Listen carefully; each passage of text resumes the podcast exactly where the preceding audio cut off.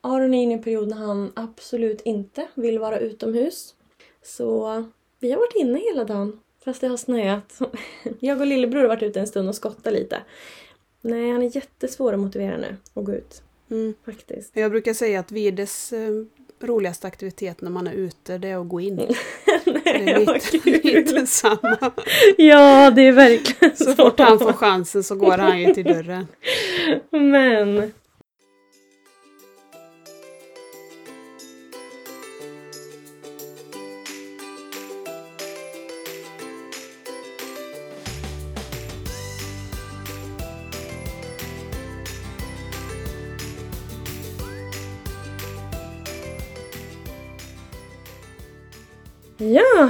då kör vi!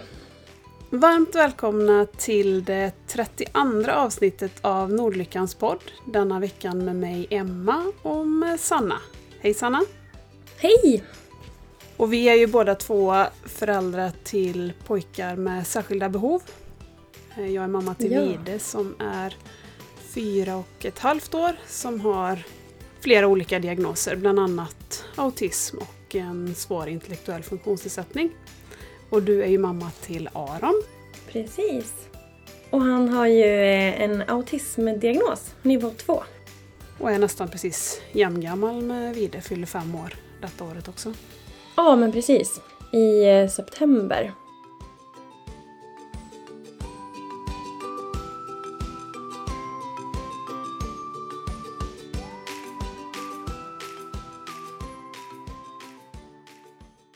Hur har ni haft det? Hur var julen?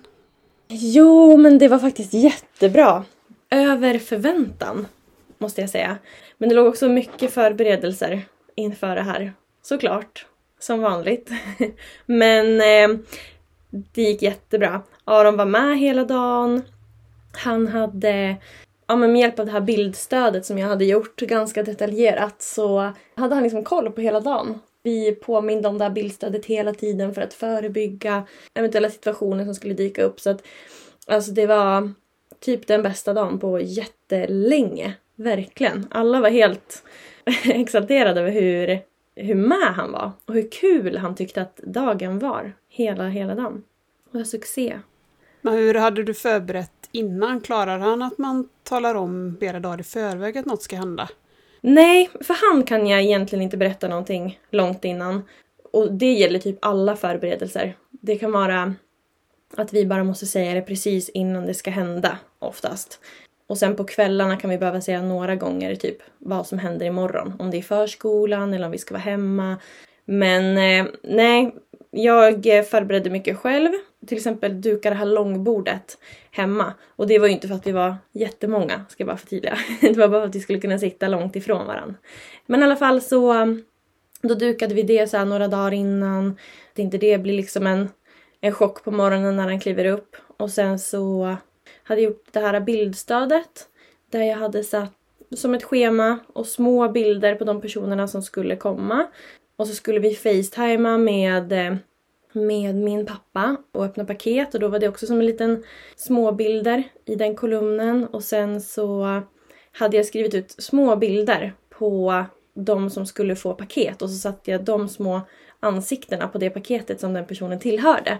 Så att det inte skulle bli något konstigt när, när det var dags att dela ut paketen till exempel. Så att, för han har ju blivit rätt ivrig nu på paket Ja, just har det. vi märkt. Så Ja. har jag gjort någon gång. eh, Vi har ju inte varit bjudna på så jättemånga kalas, men han har varit bjuden på ett Nej. kalas förra året. Och då gjorde jag också så att Ja. jag skrev ut en bild på födelsedagsbarnet och satte på paketet. Ja, Också för att det ja skulle bli det göra tydligt liksom att det här, det här paketet är till Ines. Ja, precis. Ja men alltså det är jätteviktigt och det, alltså lillebror Levi tyckte också att det var, alltså då var det liksom inga konstigheter. Då förstod man att ja, alla paket var inte till alltså Aron och Levi utan farbror skulle också få någonting och farmor och farfar och så här. Mm. Så det var verkligen jättebra. Ja men mycket sådana där förberedelser var det ju. Och sen så på dagen hela tiden ligga steget före. Mycket i bakgrundsförberedelser. Mm. Det här med att förbereda innan saker kan hända, Mm. det har vi testat någon gång. Alltså typ förskolan, det kan vi ju säga att ja, men imorgon ska du till förskolan. Alltså de här vardagssakerna, eller han kan ju fråga efter Mm, gympan, då kan vi säga okej, att ja, men det är på det. söndag. Men eh, när vi skulle åka på semester i somras så skulle vi åka väldigt tidigt på morgonen för vi skulle hinna med en färja. Och då tänkte jag att ja, men då visar jag dagsschemat på kvällen. För att han ska veta om vad som händer när vi väcker honom tidigt. Men det blev ju inte alls bra för han kunde inte somna då. För det är klart, han förstod ju inte riktigt vad mamma menar. Var det nu vi skulle åka? Så det gör jag inte Nej. någon mer gång tror jag inte. Så när det är någonting nytt. Utan det får man ta när det väl händer. Det blir Ja lite men jag för förstår och det där är ju så himla... Alltså det där får man ju verkligen typ gå på magkänslan. För att jag hade nog kanske också visat när det är någonting sånt här stort som händer. Om man ska åka en stor båt och man ska kanske bo i ett annat hus eller så här. Spontant hade jag nog förberett det långt innan för att man inte ska få att han liksom inte vill kliva på båten. När man visar den precis innan. Nej. Men alltså, nej, det är jättesvårt. Sen kanske man kunde visat så att vi ska åka på semester så han förstår att Mm. okej, imorgon händer någonting annat än det vanliga. Men nu visar jag liksom det detaljerade schemat att vi ska gå upp och vi ska åka bil, vi ska Ja, ta frukost i bilen och... Det blev lite för mycket kanske. Men Ja, när du gör sådana där förberedelser, skriver du ut bildstöd, alltså fysisk en lapp, eller använder du dig av eh, iPaden? Nej, när det är något speciellt så skriver jag ut. Jag med faktiskt. Så att han kan hålla det i handen. Ja, För i bilen har vi svårt att han, då kan han inte riktigt ha talapparaten så då får han ett bildstöd att hålla i. ja men så är vi med. Det jag tycker det är supersmidigt när det är någonting sånt här speciellt. Men i vardagen gör jag inte det utan då lägger jag in schemat i talapparaten. Då har jag en speciell knapp med dagsschema. Just det. Och förbereder du varje dag? Ja, det gör vi faktiskt inte kanske nu när vi är lediga, när vi bara är hemma hela tiden. Men till vardags gör vi ju det, att vi talar om att han ska till förskolan och vem som ska hämta och om det ska hända någonting på efteråt. Okej. Åh gud vad bra. För, för oss så blir det ju fler scheman gjorda tack vare talapparaten, för det är ju ändå bara några Ja. klick. Till skillnad från att man ska printa ut rätt bilder och man ska komma ihåg att sätta upp. Ja, den är ju jättesmidig till ja, men sånt där som är lätt att ändra. Och om man också kommer på i sista sekunden så går det också, för vi har ingen skrivare hemma heller. Vi behöver köpa en ny men vi har inte Nej, dit det är så mycket man skulle ha gjort. Ja. Men hur var eran jul då, och nyår? Hur var det bra? ja, men julafton var väl bra. Man, man märkte på Vide att, att det tog mycket energi för att vi brukar gå en sväng efter vi ätit mat på Ja. julafton. För vi bor i ett väldigt litet hus så att även när vi bara är själva hemma så det känns lite instängt ibland. Det känns som man måste komma ut Mm, en jag sväng. Och i vanliga fall när vi cyklar så brukar vi gå en runda som är typ 2-2,5 kilometer. Så att man liksom går ett varv. Men på julafton så brukar vi gå ner till sjön och vända. Och då märkte man när vi tog fel väg för honom att han inte hade någon energi över till det för då fick han ju ett utbrott. Det gick ganska bra. Vi, jag och han gick bakom alla Ja. andra. Så att man liksom fick plocka bort stimuli. Jag sa att ni, går Ja. ni så kommer Mm. vi. Så det gick ganska bra ner men sen så blev han ju arg på tillbakavägen igen. Ja, jag förstår. Så då märkte man ju att då är han ju precis, precis på gränsen till vad han, vad han klarar för han har ju inte fått ett utbrott. Vi fick ju cykeln i slutet på november och vi har ju cyklat varje ledig dag. Han har aldrig fått ett utbrott på Nej. cykeln. Men då märkte man ju på julafton att Då var det någonting annorlunda. det är Ja. mycket ändå. Ja, men precis. Och jag tror också så att det är så mycket som... Det är ju en speciell dag för alla. Och alla är ju kanske lite annorlunda eller man har ju lite förväntningar. Och jag menar, det har ju de också. Fast de kanske liksom inte uttrycker det. Men då blir det ju istället i ja, men kanske utbrott eller sådana där saker. Ja, Mm. men det är klart att de känner av det. Men sen gick vi en promenad, om det var på juldagen eller på annandagen med cykeln. Och då har vi ett vägskäl och han kan ju styra cykeln själv. Och då valde han vägen till sjön. sant? Så då var det som att han tog revansch på julafton lite att då skulle vi åt det hållet ändå. Då var han ju jätteglad Ja. och vi gick hela vägen ner Wow. där det finns en liten grillplats och vände. Kul! Men det där är också intressant. Jag får bara fråga, när ni har de här, är ute på de här promenaderna, är det oftast lättast för er också att ha liksom en runda, att man inte går någonstans och vänder? Utan det är lättare att gå runt. Förstår du vad jag menar? Mm. Nå, jag vet inte, vi bor så så att det är väldigt mycket återvändsvägar så att vi har egentligen bara två eller kanske tre alternativ Ah, härifrån. Okej. Men han, nu styr han ju cykeln och han väljer ju liksom det här varvet gud vad jämt. kul! Ja! Så jag vet inte om det hade gjort skillnad om man gick och vände faktiskt. Nej. För det har ju vi superproblem med. Alltså vi kan inte gå någonstans För det första typ har vi jättesvårt att gå någonstans och vara där en stund. Om det liksom inte är typ en destination eller alltså om vi ska gå till skogen till exempel så kan det bli jättesvårt att säga men nu ska vi stanna här och leka lite. Då blir han så här va? Här? Vad finns det här? Medan de andra barnen kanske börjar bygga eller de går balansgång eller så här. Men då, då blir det jättetokigt för dem. Men det kanske inte är tydligt att detta är en plats att stanna Nej, på. jag tror verkligen att det är så. Så som vi ja, men tänker. precis. Sen typ om vi ja, men tar en promenad och sen så måste vi typ vända hem eller den vägen är typ evighetslång så att vi så måste vända någonstans när vi tog den här äh, vägen. Men eh, det kan också bli jättesvårt. Då kan han fortsätta bara gå gå gå fast han liksom inte vet vart han ska. Men bara att det är jättesvårt att vända på plats. Men kan han vägra att gå så att ni får bära honom tillbaka? Ja, det är det som händer. Och han vill ju fortfarande bli buren ganska mycket. Och det börjar bli ganska tungt. Han är så stor. Han Ja. börjar bli så lång. Har ni någon vagn med er eller så då? Ja, men ofta har vi ju vagn. Men det kan ju vara att han vägrar vagnen också. iPaden är ju med nästan jämt.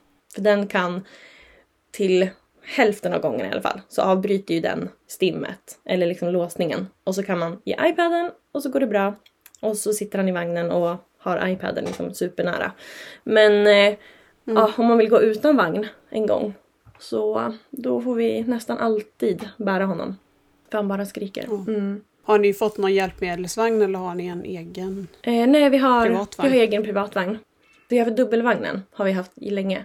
Men nu börjar det bli så här, Levi tycker att det är kul att gå själv också. Och så stor orkar ju mer och mer så att vi får väl se hur det utvecklas för Aron. Om han blir liksom motiverad av Levi också eller om han vill fortsätta åka och bli buren. Men vi har faktiskt en cykelvagn nu som funkar jättebra för tillfället. Då kryper han liksom in som i en liten koja typ och där blir de ju så skyddad. Tänker jag. Mm. Ja, det köpte vi faktiskt en i somras också. Ja. Fast vi använder den bara till cykeln för vi har en dubbelvagn annars. Vi bytte, vi hade en Emma-junga men sen det blev för lång för den. Ja.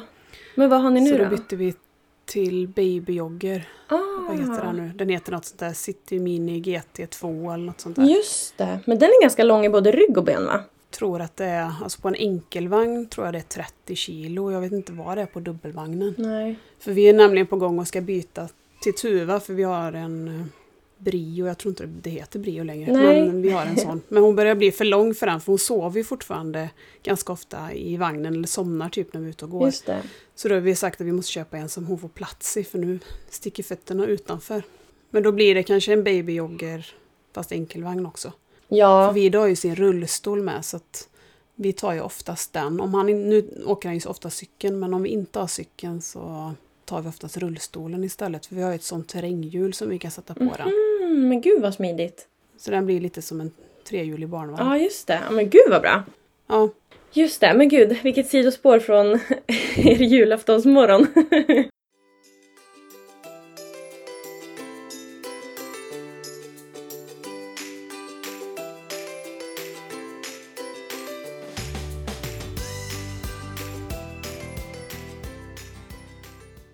Och sen nyår då. Vi var själva hemma på nyår. Mm. Först var vi ute och grillade lite korv och så på dagen och sen hade vi beställt, vi vuxna hade beställt mat från ICA Maxi, en trerätter som man bara behövde värma. Åh gud. Och eh, Alva fick välja mat till syskonen så det var pannkakor och pommes frites med chicken nuggets och glass.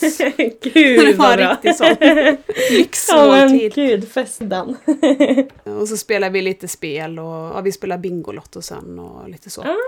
Men eh, man förstod ju på Vida att han, även fast det bara var vi fem, att han förstod att det var något lite extra för han gick in på sin talapparat och så tryckte han på kalas. Nej vad kalas. mysigt! Åh vad kul! Sen hade jag ju gjort, eh, jag hade gjort ett bildstöd också för nyårsafton. Ja. Talat om vad vi skulle göra, att vi skulle äta flera gånger och spela spel och vad vi skulle göra. Ja men precis. Men han förstod att Åh. det här var någonting extra. Så. Och sen tror jag vi höll honom uppe till ja, men någonstans runt tio. Mm. Sen så fick han gå och lägga sig och sen gick Tuva gick och la sig kanske vid halv elva och så var Alva uppe till tolvslaget. Ja just det. Ja för han är ju lite äldre. Han, han orkar väl det på ett annat sätt kan jag tänka mig. Ja, han fyller eh, nio nu i början på maj. Mm. Wow. Så det var annorlunda men mysig eh, nyårsafton. En kalasdag. Lät det som Vide tyckte. Ja. ja. Och hur hade ni det? Jo, men vi hade det också bra. Vi gjorde inte heller något speciellt. Vi har både farmor och farbror bara några gator bort så vi gjorde som en liten stafettmiddag. Så vi bjöd på förrätt och sen så varmrätt hos farmor och efterrätt vi hos farmor också innan vi gick hem sen. Så vi var väl hemma typ vid halv nio, nio.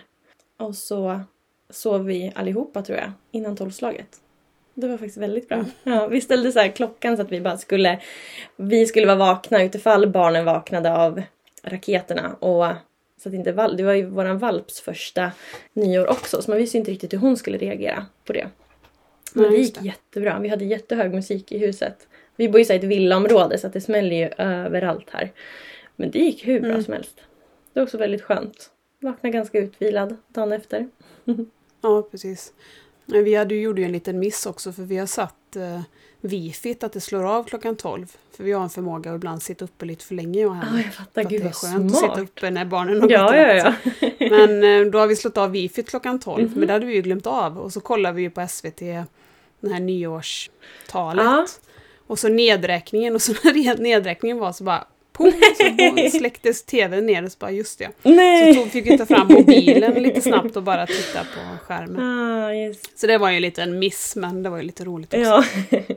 Men där ni bor då, är det, var det mycket fyrverkerier och sånt eller klarar ni er från det då?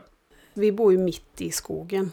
Och då menar jag verkligen mitt i skogen. Wow, coolt. Jag, jag brukar ju alltid säga så och sen när man får folk som kommer hit för första gången Mm. så säger de men ni bor ju verkligen mitt i skogen.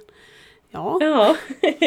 men vi hörde raketerna för byn, alltså samhället som vi tillhör ligger väl kanske två, tre kilometer bort fågelvägen. Så vi hörde ju raketerna Mm. men vi ser inte. Men jag och Alve var ute på trappan och lyssnade. ja men vad fint att det var så bra då. Men eh, Ja. på julafton då med paket och sånt där förresten. Hur gick det? Ja, men han satt eh, mesta delen av tiden vid jämte sin morbror och så fick han hjälp att öppna paketen. Mm. Han kastade faktiskt inte ifrån sig någonting utan han tittade lite. Det var ju inte någon jätteentusiasm för paket så men det gick ju inte dåligt heller. Nej, Och han trivs ju i sammanhanget med alla som är här som han tycker om. Och... så mysigt.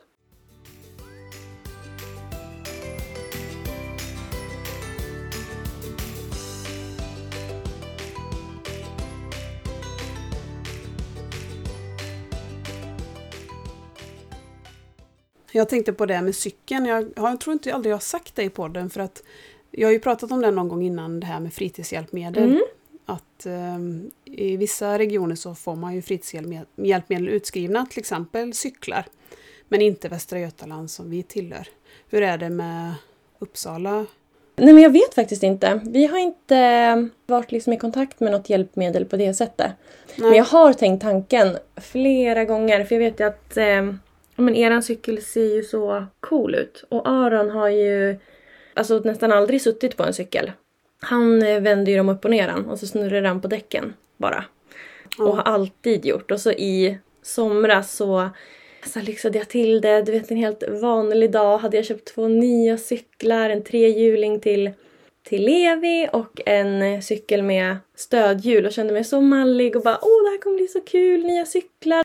Ja, de kanske tycker att det är kul och, och cykla nu om Levi tycker det och men eh, nej, Aron skrek eh, rakt ut och har aldrig suttit på den cykeln.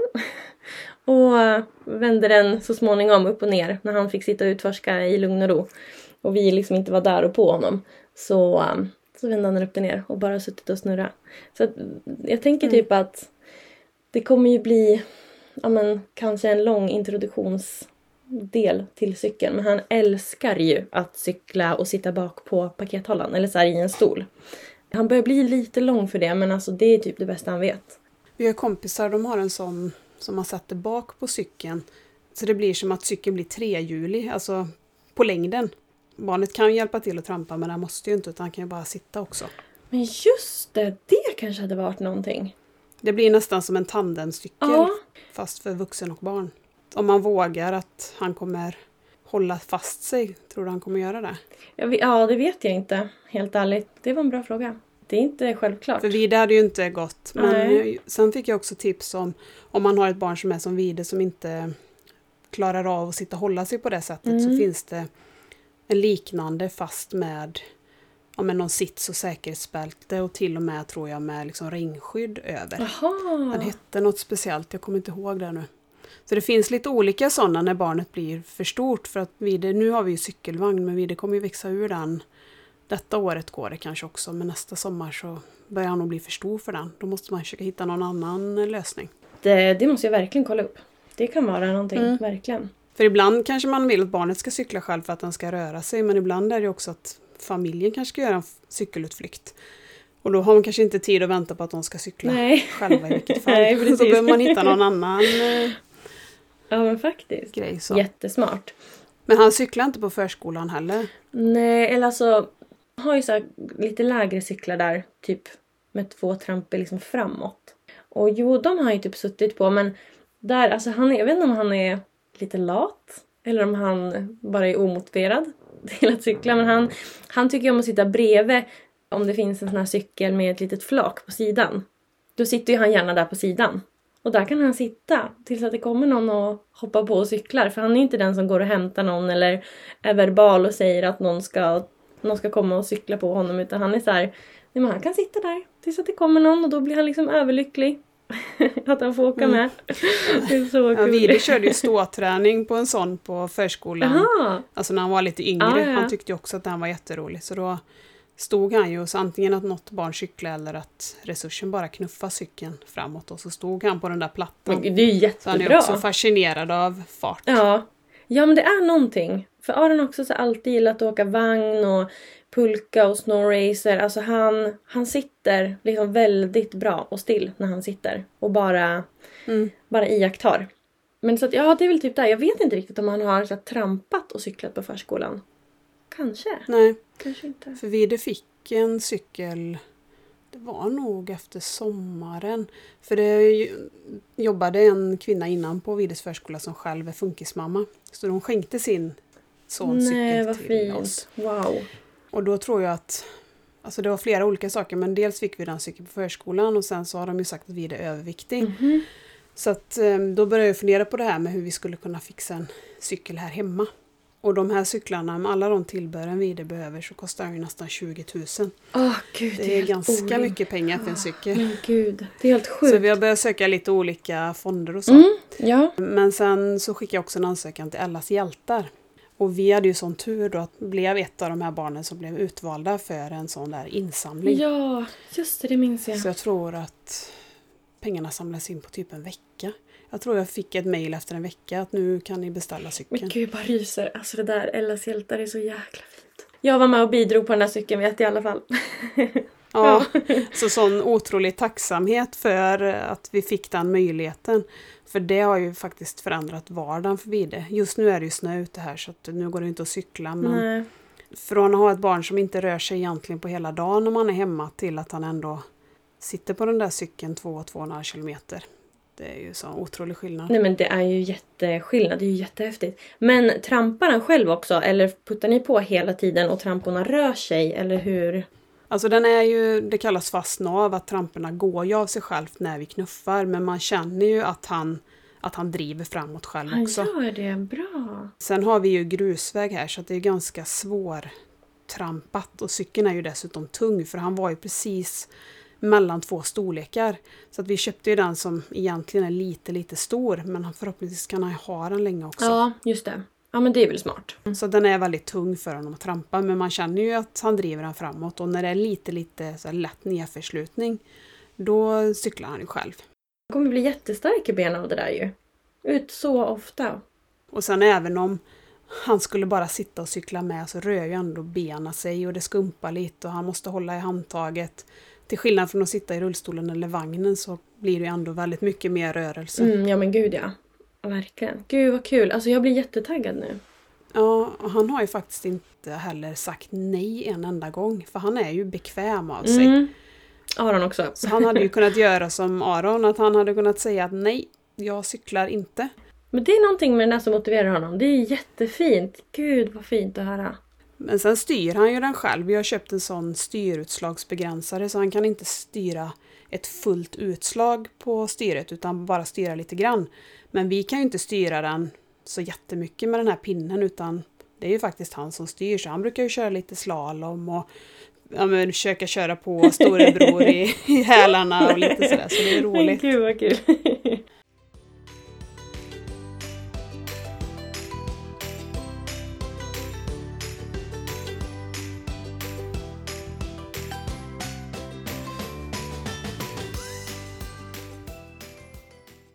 Försökt förklara det här lite för att han, eh, Midi kan ju gå. Utomhus går han ju med som balanshjälp, man behöver hålla honom i handen. Men han vill ju inte gå. Mm. Det är ju omöjligt alltså. För jag hade en sån, eh, ett projekt som det var förra våren att vi skulle försöka få honom att gå lite längre varje gång vi gick en promenad. Mm. Att vi skulle ta något, någon riktmärke och typ någon sten eller stubba. Att okej, nu gick han hit idag, nästa gång så tar vi två meter till. Men du vet, han skriker så mycket så att sen är ju hela dagen Ja, förstörd. gud ja. För han går ju, för att han blir ju tvungen att gå för att det blir nästan att man drar honom med sig. Men jag tror vi räknade, vi sa vi ger det 20 gånger, det är ändå ganska många gånger Det är att ha ett barn som jättemycket. Ja, gud ja. Och den 20 gången bara, nej, nu, nu han får åka vagnen. Det är inte värt det. Nej, det är inte det. Cred att ni körde 20 gånger för ibland kan det också bli så att helt plötsligt så funkar det ju. Ja men det är ju det man vet att om det blir en rutin att han vet att man går först och sen åker vagnen. Men nej, det gick inte. Vi gjorde ändå ett gott försök. Ja, verkligen gott försök. Men gick ni direkt hemifrån? hemifrån, ja. ja. Det är också bra. Man skulle ju aldrig få ur dem i vagnen heller om man typ satt dem där först och sen så när man kom till en viss punkt då skulle man gå. Då är det jättesvårt också men... Ja.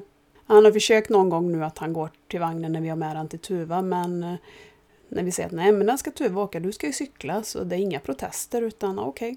Han gillar ju vagnen annars, både vagnen och rullen och bara sitta. Ja. Stimma och titta och... För han behöver ju ingen iPad eller så um, när han sitter i vagnen utan han nöjer sig med att titta, Titta på runt. omgivningen.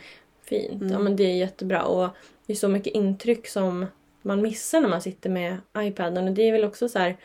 Ja men när Aron får den så kanske har varit alldeles för mycket intryck så att han behöver den för att komma ifrån men man vill ju gärna att han ska vara utan den. Alltså för att se något annat. Nej, vi använder ju iPad eller telefon ja, men om man är på nöjesfält eller djurpark eller någonting sånt där som där orken kan ta slut. Då brukar det kanske mot slutet bli så att vi också sitter med telefon och kollar på Babblarna eller vad han nu vill välja. Men Det måste man ta till. Annars så skulle man inte komma ut.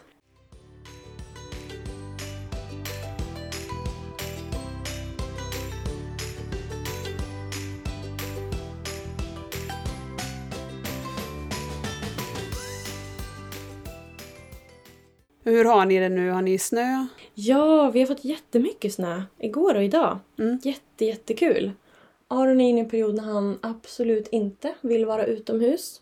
Så vi har varit inne hela dagen. Fast det har snöat. Jag och lillebror har varit ute en stund och skottat lite. Nej, han är jättesvår att motivera nu att gå ut. Mm. Faktiskt. Jag brukar säga att Vides eh, roligaste aktivitet när man är ute det är att gå in. Det är lite, lite samma. Ja, det är verkligen Så fort han får chansen så går han ju till dörren. Men... Och på sommaren så brukar vi ha våra altandörrar öppna ut till trädäcket. Och han vill ju gärna inte vara ute men så sagt, nej men nu får du vara ute. Du vet, då sätter han sig på trappsteget så att han sitter ju liksom med ryggen mo- mot. Han sitter ju typ inne fast det är klart han är ju ute så bara okej, det får räknas då. Ja, det måste du göra. De är så jäkla envisa också. Det är så svårt att ändra någonting. Alltså vissa saker är jättesvåra. Men du kan inte locka med pulkaåkning heller. Nej, typ inte nu. Nej, det är väldigt lång sträcka till att komma ut. Men sen när man väl kommer ut så brukar det gå ganska bra. Sen har ju farmor och farfar som bor någon gata bort, de har i garaget en stor tågmärklinbana.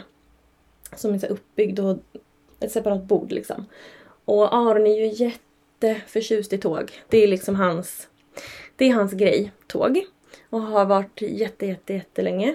Det är intressant att det är så många barn med autism som gillar just tåg. Är det? Undrar vad det är. Ja. Ja, jag undrar för att... Och så, så här har vi ju så här försökt eh, ja, men hitta nischen eller så. Men han har fastnat så mycket för såna här gammeldags tåg. När man ser i hjulen, eller man säger längst fram, sitter typ en pinne som går liksom runt. Följer med. De är ju jätteintressant. Och han står med en, en och en halv centimeter med ögonen ifrån de där när den kommer förbi och han, när han ser att den kommer då smyger han dit med ansiktet och så bara tåget kommer och alla hjulen så bara ögonen typ flackar och så bara ställer han sig upp igen och så väntar han på nästa varv och så ner en centimeter från det där däcket så man är så här, Det är helt sjukt att han har sån kontroll på hur långt ifrån hans huvud är de här tågen. För att han har aldrig krockat i dem. Men eh, han ska kolla på dem på ett speciellt sätt och vrida huvudet lite. Och så kolla lite i ögonsidan typ. Det är någonting Mm. med tåg. Och då, i alla fall när vi ska gå ut och han är på ett omotiverat, vad säger man? när han är omotiverad. Då säger han alltid farmor tåg. Då vill han liksom dit. För då är det så här, ja, eh, dit kan jag gå och inte längre. Och då försöker vi alltid, ja men då kan vi gå till affären först eller så kan vi gå till farbror eller vi kan gå till lekplatsen. Och ibland går det bra men oftast är det mycket farmor-tåg just nu.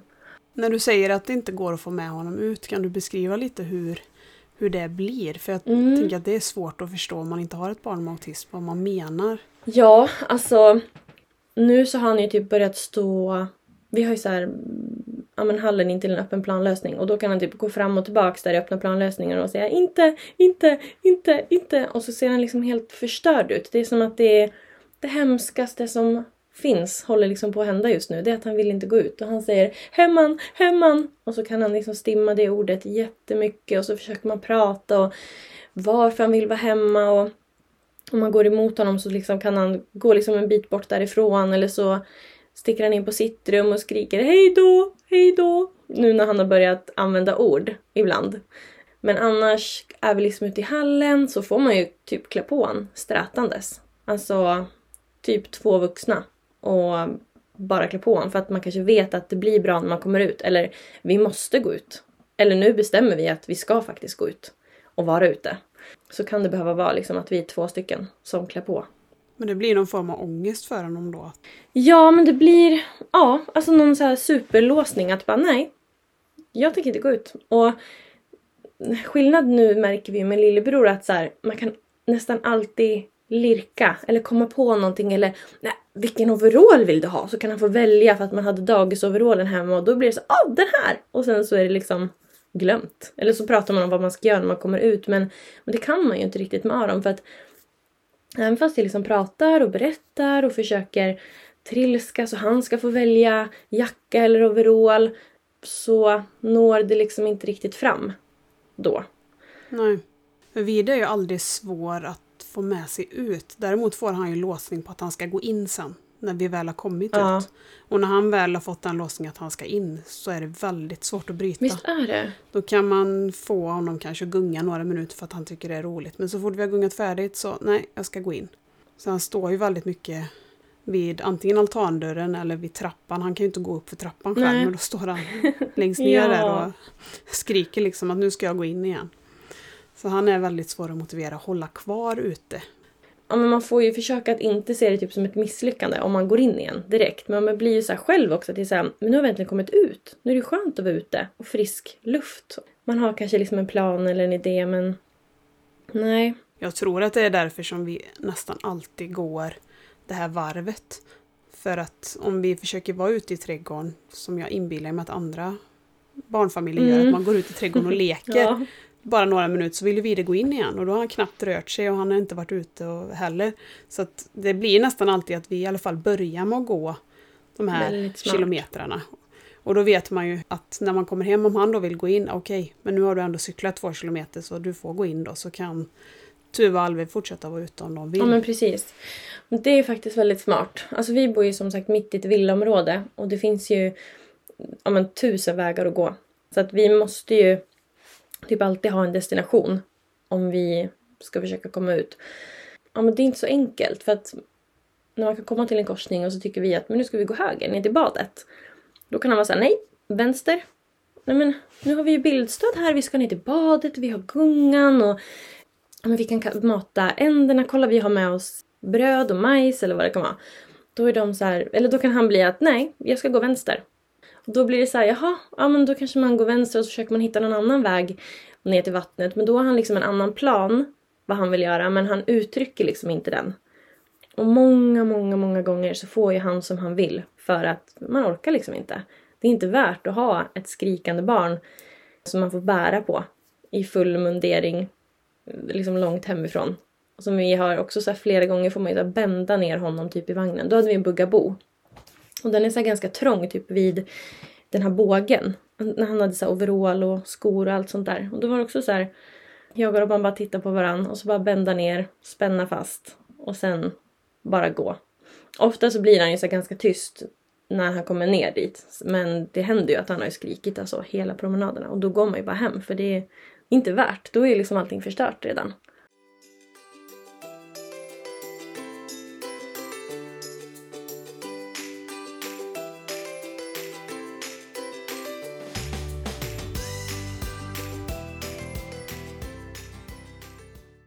Vi styr ju vissa saker hem också. Till exempel vad vi kollar på för film. Jag brukar säga att Vid inte gråter, men det finns ett tillfälle när han gråter. Det är när Tuva väljer film och väljer ja, men Tingeling eller vad hon nu vill titta på. Hon väljer såna här vet, som eh, rosa och glittriga liksom, omslag. Det vill jag titta på. Då har han som en gråt. Nej, och han slutar ju liksom inte. Nej. Så antingen får man göra något annat med honom då så att hon får titta på sin mm. film. Eller så får det gå en stund och så, nej nu, nu blir det inget mer tingeling utan nu får vi välja något annat. Men hur blir han då då? Alltså, blir han typiskt ledsen eller? Ja men det låter som en ledsen gråt. Ja. Att det här tycker jag inte är bra, jag vill titta på något mm. annat.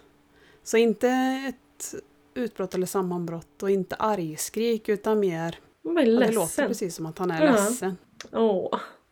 Ja, men det är inte så lätt. Men det är som du säger, det är så här, då får ju småsyskonen eller ja, men kanske Alva också ibland stå tillbaka för att det är inte värt. Ja, men nu kollar vi på det här lite till och sen så byter vi till Toy Story eller vad det kan vara som de vill se. Jag är mycket hårdare på Levi faktiskt än vad jag är på Aron när det gäller saker och ting. Ja, men man vet ju lite vad det får för konsekvenser också. Men Vide tycker ju att det är så roligt att åka pulka så nu har det väl varit tre dagar vi har kunnat vara ute och åka pulka. Mm. Och då orkar han ju vara ute länge. Då sitter han i pulkan så länge tills han inte orkar hålla uppe överkroppen längre så att han typ ramlar ur pulkan. Ja. För vi har ju ingen hjälpmedelspulka eller så, vi har ju pratat om det. Förra vintern så fick vi sitta bakom honom för annars så välte han ju ur den hela tiden. Mm. Men nu i år så är han så pass stark i bålen och även har, fattar att han måste hålla i sig. Det gör han inte hela tiden men, men han har blivit så pass stabil så att man kan inte släppa ner för backen för vi har en liten ja, men som en liten backe precis utanför ytterdörren så att det är så smidigt. vi behöver inte gå någonstans. Utan, och den är precis lagom. Alltså inte så jättelång och brant så det är inte så jättejobbigt att gå upp igen men även storebror tycker att den är rolig att åka i så den är inte för mesig heller. Nej men kul! Vi får hålla i snöret på pulkan och så typ springa bakom pulkan och liksom bromsa farten. Ja, jag fattar. Mm. Om du förstår vad jag mm, menar. Mm, förstår. Så han tycker det är jätteroligt att åka men man kan ju inte släppa den i full fart för då hade han ju vält med honom. Ja, jag fattar. Och sen så tänker jag så här att ja, men jag tycker att det är lite läskigt med pulkan för att man inte riktigt vet vilket håll den drar åt.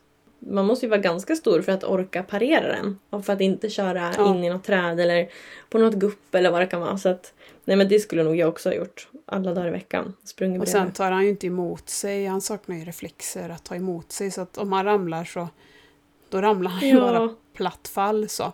Och sen vill man ju inte att han ska bli rädd eller slå sig eller så heller såklart. Nej, gud nej. Men ändå ett väldigt stort steg framåt. För vi hade ju pratat om att vet, när snön kom nu så började jag ju gå in och googla på hjälpmedelspulker. Men eh, vi insåg nog att vi behöver nog faktiskt inte någon. Utan Kul! Det blir jättebra träning för honom ja. också. Att det är lite ostabilt men det är bara bra också. Man behöver ju inte underlätta för mycket för honom heller. Nej men precis. Nej man måste hitta den där balansen. Men det är väl jättebra när han är motiverad om man hittar sådana där saker. Också så här, snön, den, den har vi ju inte så mycket. Så det blir ju också så här, Nej. Ja, men man blir lite exalterad och det är någonting nytt och man ser leksaker som man inte ser annars de allra flesta är ju glada när man då åker. Det är jättekul. Och så blir det ju en aktivitet där han blir ju inte så begränsad. En vuxen blir ju låst vid honom men han själv märker ju inte det så mycket utan han, han kan ju göra precis som syskonen och han halkar inte efter utan han är på samma plats som dem hela tiden. Och, ja, det märks att allihopa tycker att det är kul, även Alve och Tuva. Liksom. Ja, men såklart. Det är väl jättefint.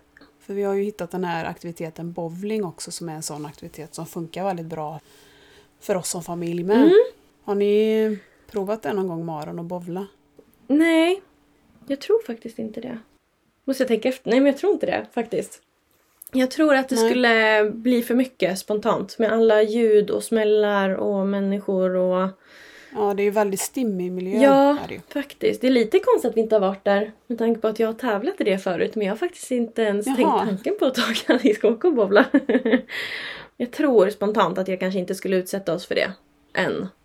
På Nej. grund av miljön. För vi provade det, tror om det var, för barnen brukar få välja vad de vill göra när de fyller år. Så jag tror att det var när Alve fyllde år att han valde att vi skulle bovla.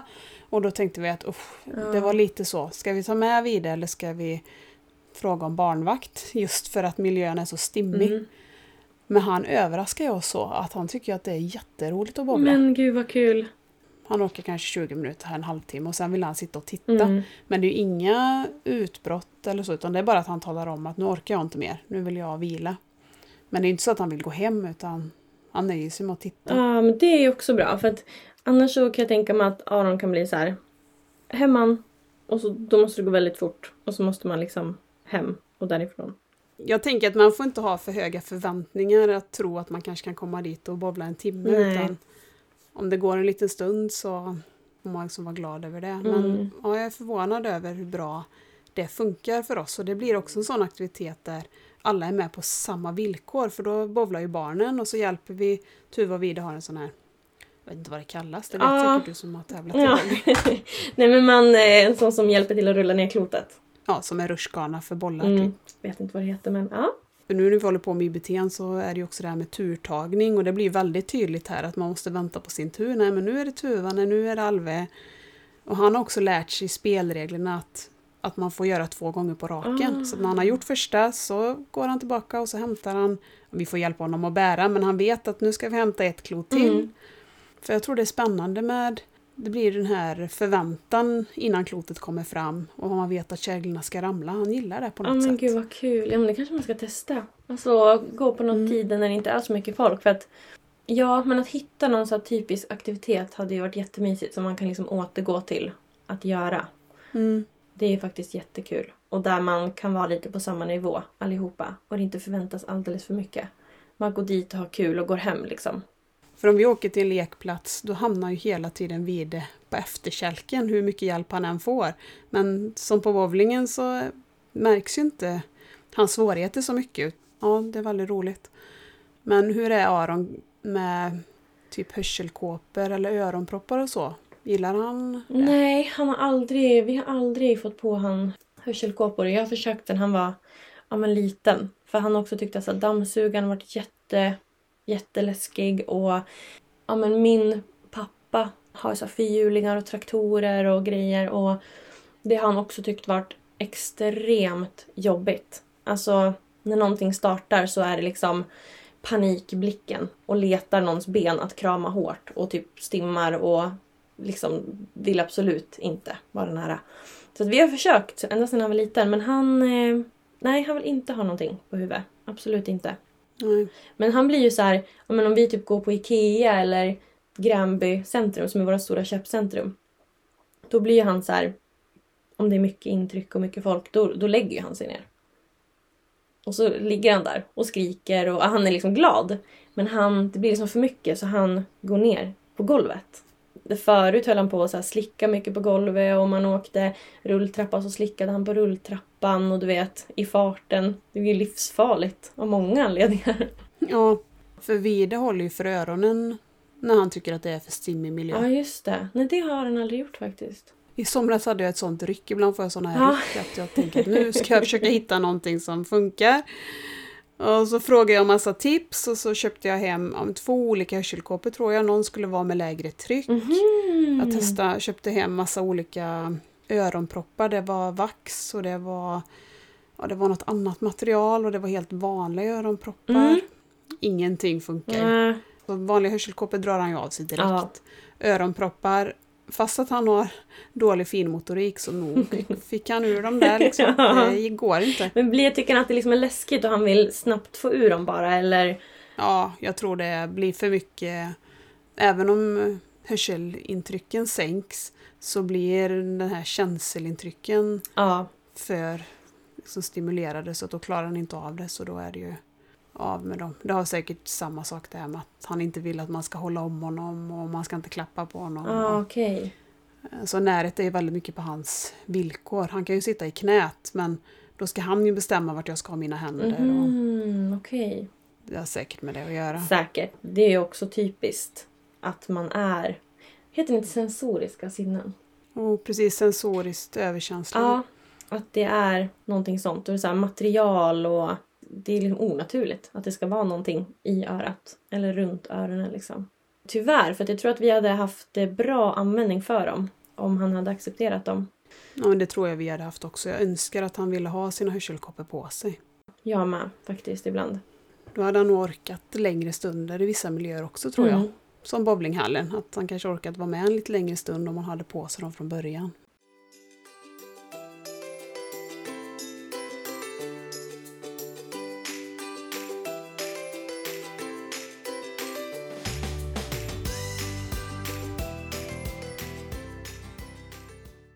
Har de varit på förskolan någonting nu efter jul och nyår?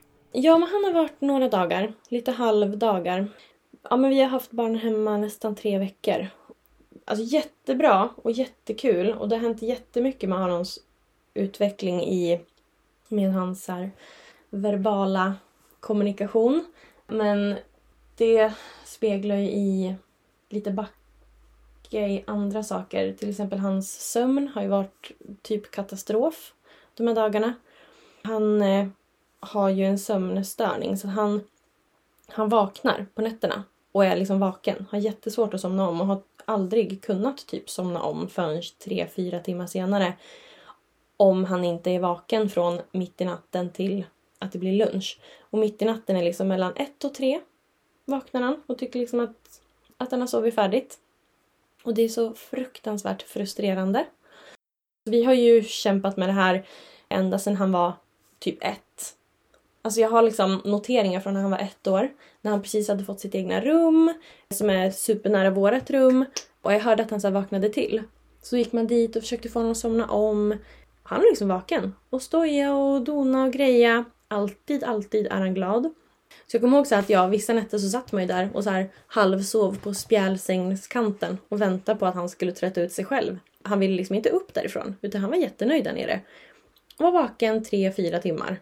Till slut var det så här, ja men jag hörde att han vaknade, jag gick in, erbjöd någonting att äta och sen så gick jag tillbaka till vårt sovrum och hade dörrarna öppen för att han skötte liksom sig själv. Han behövde inte mig där inne. Nej. Och det som har liksom blivit nu är ju att vi har fått jättemycket hjälp av habiliteringen. De är så här, det ska vara mörkt. Vi har jobbat med så förberedelser på, på kvällarna att, ja, men så med bildstöd. Att nu är det natt, då ska man sova ända tills att mamma eller pappa ändrar, ändrar på den här lappen att nu är det morgon. Då kliver man upp ur sängen. Eller vi ska inte prata, vi ska inte göra någonting. Men det är jättesvårt. Och de är så här, ni får absolut inte ge han iPaden. Man är så här, nej, det förstår jag, men det gör jag ändå. För att alltså, jag måste sova för att orka. För att vi förstår att hans sömnmönster är så här. Om det har varit en stojig dag eller Men går han upp ur sängen eller nöjer han sig med att vara kvar i sin säng? när får han iPaden så är han kvar i sängen. Annars så klättrar han ju ur och så tycker ju han att det bästa som finns är ju när vi säger nej till Aron. Alltså han skrattar ju så han kiknar när vi blir arga och säger nej. Det har han alltid gjort. Också jättefrustrerande och svårt att hantera. För att om han får en tillsägelse som, alltså om han gör någonting fel eller om han gör någonting som han inte får, om han säger nej, då tycker han att det är extremt roligt. Så att det är också så här, Mm. det är inte värt att ta en fight och säga nej eller lyfta upp han i sängen. För då klättrar han ner och skrattar så att han aldrig haft det roligare. Det är liksom iPaden i sängen som gäller. Eller så kliver vi upp och så försöker vi vara på andra sidan huset så att han inte ska väcka resten av familjen. Några i alla fall får sova. För det är typ den stressen nu sen Levi kom att han väcker ju Levi på nätterna. Och så är alla Mm. vaken. Och får han eh, melatonin eller någon annan? Ja, han får melatonin nu sen, ja, vad är det, kanske fjärde dagen idag. För att jag ringde i, eh, ja, men till habiliteringen och bara nu måste vi få hjälp igen. Jag står inte ut, vi mår inte bra. Alltså vi har testat oss fram jättemycket. Vi har, alltså, han har aldrig haft problem att, att somna på kvällen utan bara vaknat mellan ett och tre. Vid har ju ibland, eller ganska ofta ska vi säga, och svårt att somna på kvällen. Okej. Och då ger vi melatonin. Men han somnar, eller vaknar ju också ofta mellan två och tre och ligger och stimmar. Ja. Och då brukar vi gå upp och ge honom melatonin också. Och då brukar han somna om efter kanske en timme. Mhm. Men hur ger ni melatonin då? Han tar ju faktiskt bara en vanlig tablett vid det. Mm, men gud vad duktig han är. Tuggar liksom den Ja. och sväljer den. Eller två tabletter är vi väl uppe i nu. Men vi ger ju inte varje. Kanske ger tre dagar i veckan skulle jag tro. Mhm. Men till eh, insomning på kvällen, alltså anpassar ni det beroende på hur dagen har varit eller? Nej, beroende på honom. Det brukar vara nästan så att om, när klockan är nio och man fortfarande ligger och stimmar då, då ger vi han tablett. Ah, okej. För jag har fått för mig att det blir en avtagande effekt också. Jag vet inte ens om det stämmer men jag har fått för mig att om man ger det jämt att det kanske effekten avtar. Ja, jag fattar. Men det är ingen eh, sanning i det utan det är bara Nej, ja. ja, jag förstår. Och sen är det väl den här känslan om att stoppa i tabletter i sitt barn också. Ja. Det är ju inte... Helst vill jag ju inte det såklart men... Gud vad man trilskas med det där. Alltså vi, melatonin hjälpte inte i början. Då fick vi Terralen, hette det. Som var liksom lugnande. Och det var också så här jättehemskt. Jag hade så mycket ångest över att ge honom det här för att det var liksom ett preparat som jag skulle ge honom för att han skulle sova. Och för att jag skulle sova. Och det kändes så egoistiskt och det var alla möjliga jobbiga tankar som man går igenom. Men jag förstod ju liksom att det var för hans eget bästa. Och när man, när vi var inne i Terralen-svängen så funkade det så bra. Vaknade jättesällan som på natten och vaknade vid sex på morgonen. Pigg och glad och inga konstigheter. Sen så slutade de tillverka Terralen helt plötsligt. Vi åkte jätteklumpigt men vi hade liksom tagit sista tabletten på kvällen och så dagen efter så skulle jag åka ut och hämta en ny förpackning och så hade de slutat med den. Det finns liksom ingenting som är liknande utan då måste man ha ett nytt recept på någonting helt annat. Och då vart jag så ledsen och arg. Och det här var liksom sent på kvällen. Det var verkligen sista minuten. Så då var vi så här, okej, vem vabbar imorgon? För att det kommer absolut bli en vaken natt. Och det blev det. Och sen så jagade jag läkare dagen efter. Sen har vi testat oss fram lite, men nu har vi fått Atarax som Mm. har funkat sådär. Men sen så här innan jul så tyckte jag att det funkar liksom inte alls. Han vaknade, ja men på tre veckor har han vaknat sju nätter. Och då vart vaken från typ två, tre på natten till typ elva på dagen när det är lunchdags och då lägger vi honom. För han somnar nästan bara om i bilen också. När han var liten så kunde vi dra ut och åka bil typ 3-4 på natten. Åka runt, runt, runt tills han somnade. Det här var innan vi hade mediciner. Och så fick vi liksom vabba halvdagar och jobba i skift så gott vi kunde för att liksom få ihop det. Skitsvårt. Men nu så fick vi i alla fall öka dosen och vi fick melatonin. Så att de förhoppningsvis ska liksom hjälpa varandra. Melatoninet har ju hjälpt Vide väldigt mycket. Det är nästan som att han, han vet om det själv. Så att när vi ger den här tabletten så brukar stimningen gå ner. Alltså den ger inte effekt bara på en Nej. minut. Men det är som att han vet att, att han kommer få lite hjälp Åh. att slappna av. Ja men lite placebo, men det gör väl ingenting. För då kanske man inte behöver ge så starka doser för att hjälpa till alla gånger heller. Men hur blir det för Aron nu att gå tillbaka till förskolan när han inte har varit där på ett tag? Ja, det är jättebra. Alltså jag vill ju ha dit han så fort, så fort de öppnar för då är det oftast minst barn och flest pedagoger Har de haft stängt nu under lovet? Ja, jag tror det. Vi hade han hemma de där mellandagarna men så började de den fjärde. För vår förskola har ju varit öppen och jag tror det berodde säkert på Corona att de inte hade någon sån här. Annars brukar de ju ha en förskola som är lovöppen. Ja, just det. Precis. Men i år så har inte det varit så utan då har både fritids och förskolan varit öppen. För de ville väl inte blanda barnen antar jag. Nej, just det. Nej, men det är klart. Så har de gjort här också tror jag. Nej, men det har varit en jättebra vecka. Men han har ju inte gått heldagar då. För att han har haft vakennätter. Så vi har ju skickat dit honom på morgonen. Bara, nu har han varit vaken fyra timmar så det här är prime time. Ja, så kul. Så hämtar vi när han börjar bli trött. Så ringer de och bara, nu börjar det bli trötta ögon. Okej, så kommer vi. Vabbar ni då halva dagen? Ja, vi får göra det då. Men han får inte sova på förskolan. Han har aldrig somnat på förskolan nästan. Alltså han började när han var två och sov ju fortfarande middag då. Men han, jag fick hämta tidigare, jämt. För att han, eh, han sov inte. Nej, Alltså, jag kommer ihåg en gång så ringde de mig och bara Hej, allt är bra, det är nästan förberett, han har somnat i Malins famn. Så här, jag bara, nej men gud, är det sant då? Jätteeuforisk för att säga wow, det här har hänt. Alltså det händer liksom inte. Så att nej, har han vakennätter då, då är det vabb. Ja, okej. Lägga om hela dagen. Det har hänt ibland att vi har tagit men att vi har vabbat några timmar på förmiddagen då så att han får sova färdigt när man vet att han har varit vaken. Ja, Då brukar han vakna mellan 8 och 9 och så tar det lite lugnt. Tyvärr så brukar vi faktiskt inte vabba fast vi har varit vakna. Jag vet inte varför vi inte gör det. Men eh, det kanske man borde göra egentligen för sin egen skull tänker jag. ja men det är ju typ det. Alltså många gånger så när jag hade det jobbet så att jag kunde vara liksom flexibel så försökte man ju att man skjutsade iväg honom på morgonen. För då var ju han fortfarande vaken. Och så jobbade man i raketfart. Och sen så när man hämtade honom så sov man tillsammans med han. Och då behövde han sova liksom två, tre timmar. För då har han varit vaken så här nio Mm. timmar kanske. Men det blir aldrig kul när han vaknar sen då. Det är liksom alltid så här alltså jättejobbiga dagar. För att när han vaknar så skriker han oftast i typ en halvtimme, timme. Skriker rätt ut och vänder sig i famnen och, och borrar in huvudet liksom i nyckelbena och bara så stimmar och skriker och han vet inte vad han vill och vi vet inte vad han vill. Så en blir ju låst med skrik och panik liksom. Och då blir man själv också så frustrerad fast man vet att okej nu kommer det här hända. Man typ klunsar om vem som ska ta den. För att säga vem har mest energi? Men eh, ah, gud det är så mycket frustration i det där också. Att man är så här, men ah, varför förstår vi inte varann? Varför kan han inte liksom få uttrycka sig vad han vill ha? Och han blir så även om han vaknar av sig själv. Ja, det blir han. Alltså nio av tio blir han så arg. Och så blir det oftast ingen middag. Oftast dålig lunch. Svårt att somna på kvällen. Och sen hoppas man på en bra natt så att vi kan komma in i rutin igen. För Vide sov ju... Han har ju faktiskt alltid sovit på förskolan. Däremot så fick han ju tidigt ett eget rum att sova i. För det funkade ju inte att sova med de andra barnen. gud vad fint att de hade den möjligheten. För det har jag hört andra som inte har. Så det har de alltid löst och även nu då när han bytte från nu är det ett och ett halvt år sedan han bytte från småbarn till stora barn. Men då har de inrett också så att de har som en madrass de kan falla ner på golvet. Och så får han alltid valet att vila. Mm. Men ibland, vissa dagar så väljer han ju själv då att resursen lägger ner honom på madrassen så kan han ju kliva upp och tala om att nej idag vill jag Nej. inte. Och ibland ligger han bara och stimmar och ibland så somnar han. Ah, Så han får alltid mm, valet att gå undan i alla fall. det är jättebra. Alltså det där är så himla skönt att de och Aron också i alla fall så här börjar kunna uttrycka sig vad de vill. Eller i alla fall ja eller nej. Ah, det är så skönt.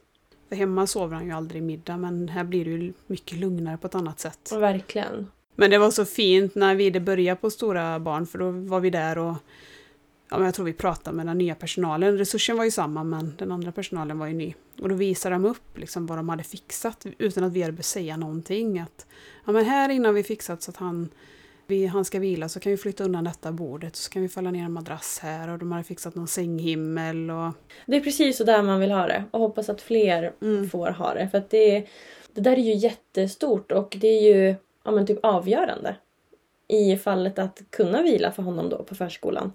Och att de har liksom tagit ett sånt initiativ utan en fight. Det är så här, wow! Jag behövde inte säga något eller prata med någon chef eller skriva Precis. ett mejl utan de hade gjort det helt själv. Ja, men det saker går ju väldigt smidigt på det sättet när man får samma resurs. För hon känner ju honom, hon vet ju hans behov att det kommer inte gå att vara hela dagen i barngruppen utan han måste gå undan en stund. Ja, Och då får ju hon anpassa utifrån att hennes arbetsmiljö ska bli så bra som möjligt. ja men verkligen. Och det blir ju det bästa för Vida också. Så fint att det funkar bra. Du, nu måste vi börja avrunda. Jag har inte pratat färdigt Nej jag vet, jag känner mig inte heller klar. Det finns så mycket att prata om, man hinner liksom inte. Det var jättekul att prata Ja, med dig. detsamma. Så hörs vi om två veckor igen då. Ja, det blir kul. Ha det bra så länge. Detsamma. Hejdå! Hejdå. Och om du är intresserad av att köpa kläder med Funkisstjärnan på så kan du gå in på www.nordlyckan.com för att kolla in sortimentet och storlekar. Och det finns kläder för barn och för vuxna. Och jag behöver din beställning senast den 31 januari. Så hörs vi om en vecka igen. Puss och kram!